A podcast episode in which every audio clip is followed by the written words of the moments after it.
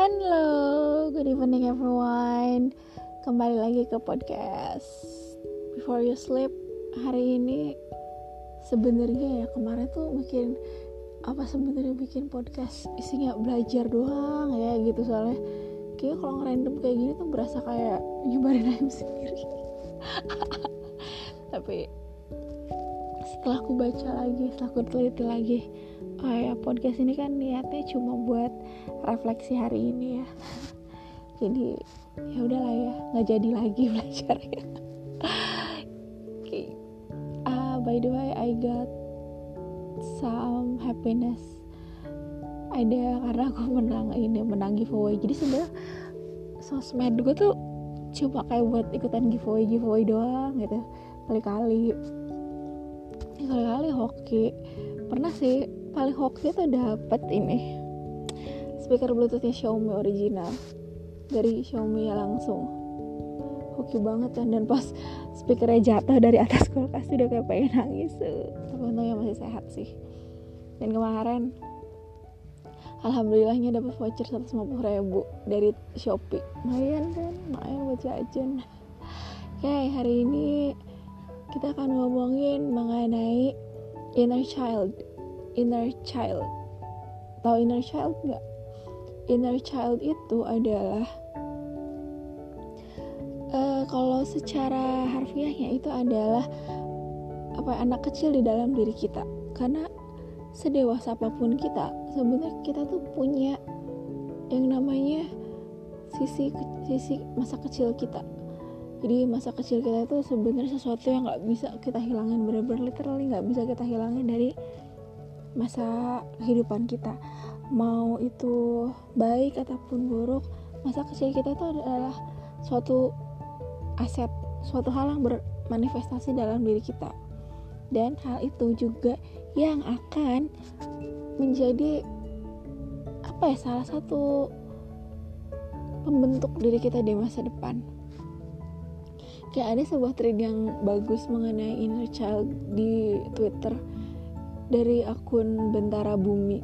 Bentara apa Bentara Bumi ya? Kayak baik kayak aku bacain aja ya. Banyak orang yang tidak menyadari dan terus tumbuh mendewasa tanpa tahu dan kenal lebih dalam tentang dirinya sendiri. Banyak orang yang kemudian mudah sekali merasa tersinggung marah dan berteriak bahkan dengan memut dengan mudahnya memutus relasi sosial. Kok bisa?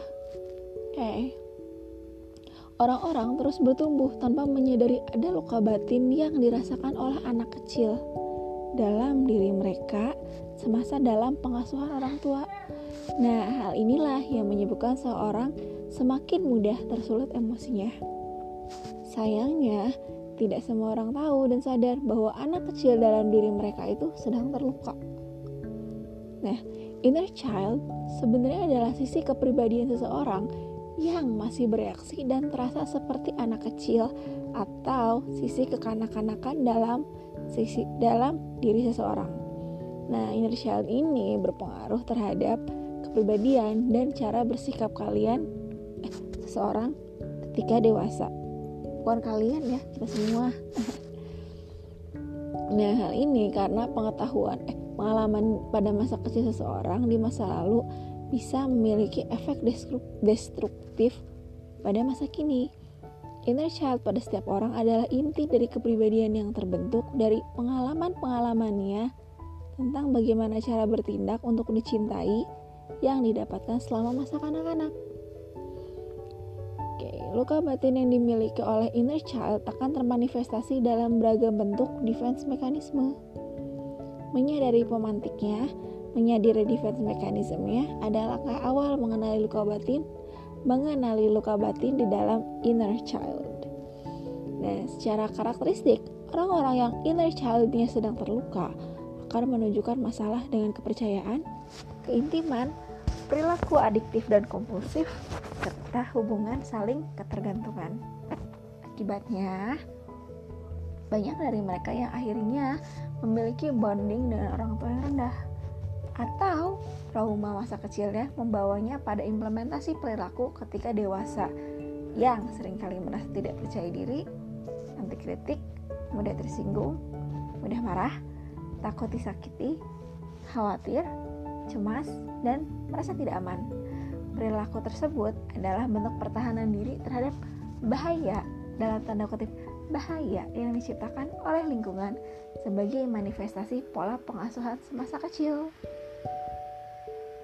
Sadari bahwa diri ini punya inner child yang butuh untuk diterima, dirangkul, diperhatikan, dan dicintai. Kita perlu menyisihkan waktu untuk berdialog dengan diri kita versi kanak-kanak bahwa kita telah dewasa dan hidup di masa kini. Yakinkan bahwa padanya bahwa kita aman, baik-baik saja, dan kita diterima serta dicintai. Mengabaikan hubungan diri dengan inner child justru akan menjadi rantai derita yang tidak berujung hingga lahir generasi berikutnya. Cukupkan rantai derita itu pada diri kita Putuslah rasa sakit yang turun-temurun ini hanya pada diri kita dan tidak meneruskannya ke generasi selanjutnya. Bagaimana caranya? Yaitu dengan menyadari, mengakui, menerima, dan mencintai inner child kita apa pun keadaannya. Bagaimana caranya berkenalan dengan inner child kita? Bayangkan aja kalau inner child kita itu hadir Bayangkan kalau Melo kecil itu hadir. Peluk dan katakan berikut ini, kata-kata berikut ini dan menambahkan nama kecil atau panggilan di belakangnya. Maaf ya Melo.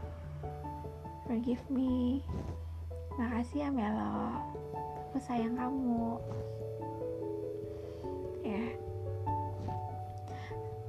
kalau ngomongin mengenai inner child ini aku sendiri punya pengalaman yang gak terlalu enak sama inner childku. Jadi di masa lalu aku sekolah di sekolah yang cukup populer. Dan sekolahnya itu diisi dengan orang-orang yang berju. Jadi otomatis aku yang keadaan ekonomi biasa-biasa aja nggak punya tempat di sana aku ngerasain momen-momen di mana aku nggak punya temen. Di mana apa yang aku lakukan itu. Di apa ya kayak dianggap remeh dan tidak berprestasi dan lain sebagainya. Aku ngerasain masa-masa kayak gitu. Bahkan walaupun aku nggak orang nggak punya tuh tapi tetap dipalakin sama orang yang tajir. And I had it. Aku ngerasain hal-hal yang seperti itu. Bahkan sampai sekarang pun rasa ketakutan untuk nggak punya teman pun masih ngebayang-bayangin. Jadi masa kecil aku yang gak punya temen itu bermanifestasi sampai sekarang. Secara sadar gak sadar aku jadi haus akan pertemanan. Aku pengen punya banyak temen apa pun itu resikonya. Siapa pun dia aku pengen punya temen tapi akhirnya seiring waktu teman-teman yang aku dapatkan itu satu persatu berguguran. Satu persatu menghilang dan menyisakan beberapa orang yang emang deket banget sama aku. Makanya aku pribadi selama aku nggak benci sama orangnya I will always try to be by your side. Mungkin ini sih yang bikin aku dalam tanda kutip bawel gitu atau mungkin kata orang friendly padahal sebetulnya enggak sih. Ada inner child aku yang kesepian. Yang masih ngebayang-bayangin diriku sendiri. Aku harus jujur aja sih orangnya emang bukan orang yang gampang akrab sama banyak orang gitu. Gampang banget kenalan sama orang lalu akrab suka sama orang. Lalu in relationship aku bukan orang yang kayak gitu sih sebetulnya meskipun dari luar kelihatan aku tuh kayak orang yang cheerful ceria tapi buat orang luar aku tuh belagu banget.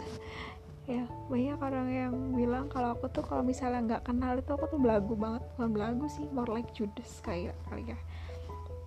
Balas teks itu cuma singkat-singkat cuma atau pakai emoticon doang gitu. Sedangkan kalau misalnya udah akrab itu benar-benar bisa berjam-jam ngebacot nggak jelas gitu. Ya seperti itulah. Itulah aku gitu. Jadi semakin dewasa semakin aku dapat aku dapat kenalan di sini teman sini. Lalu satu persatu berkuburan dan menyisakan beberapa teman yang menurutku buat aku sekarang tuh penting banget buat aku pribadi. Dan aku makanya senang banget kalau misalnya bisa mungkin discordan mungkin teleponan. Sambil ngobrol tuh aku seneng banget sih sebenarnya. Ya dan aku aku nggak tahu sih luka masa kecil apa yang kalian punya. Seperti yang pernah aku bilang aku nggak percaya kalau ada seseorang yang hidup tuh selalu manis. Atau ada seseorang yang hidupnya selalu pahit itu tuh aku nggak percaya. Pasti ada pahit manisnya. Dan kepahitan itulah yang mungkin bisa menjadi luka batin kalian. Luka di masa kecil kalian. Luka yang mungkin sampai sekarang masih membayang-bayangi kalian di masa dewasa mungkin yang orang tuanya berselingkuh. Akhirnya dia ke bawah-bawah sampai dewasa dia takut untuk relationship untuk menjalin komitmen. Atau mungkin ada orang yang pernah apa ya ada ada orang yang kalian sering gak sih ngedenger kalau misalnya pelaku perkosaan pelecehan seksual itu banyak banget dari mereka yang ternyata mereka tuh dilecehkan di masa kecilnya. Nah itu adalah salah satu bentuk inner child yang masih bersisa sampai dewasa. Inner child mereka tuh terluka. Dan gak ada yang mau ngobatin mereka. Sampai akhirnya mereka akhirnya mencelakakan orang lain. Dan luka itu pun menjadi rantai yang gak putus. Tuh. Mungkin kalian pernah dengar kasus ada anak perempuan yang ngebunuh anak umur 5 tahun dimasukin ke lemari atau ke mana ya saya lupa. Dan ternyata setelah diselidiki dia tuh ternyata adalah korban pelecehan seksual. Itulah yang jadi rantai. Ketika dia disakiti dia menyakiti orang lain.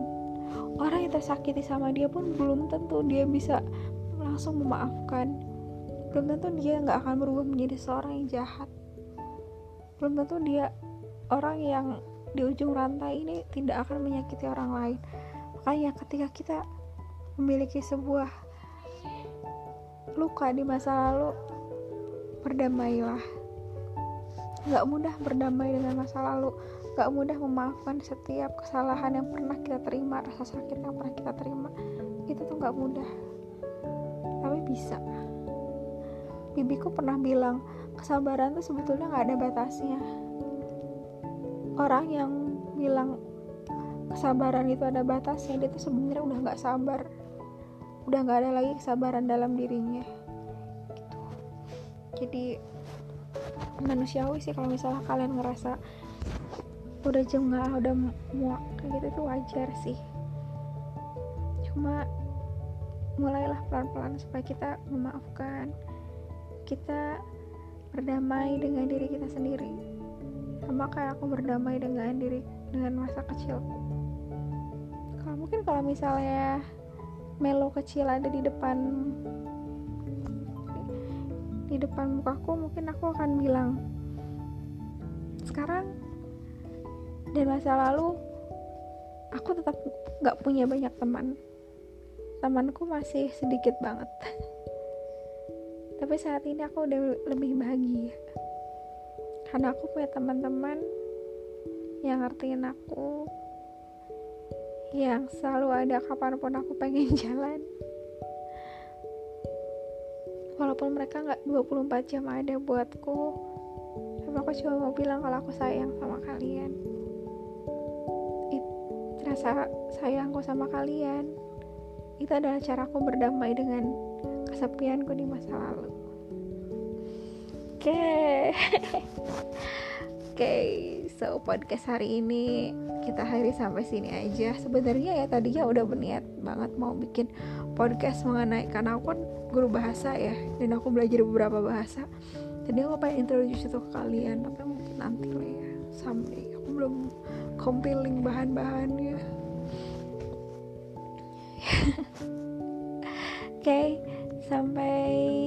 jumpa di lain kesempatan.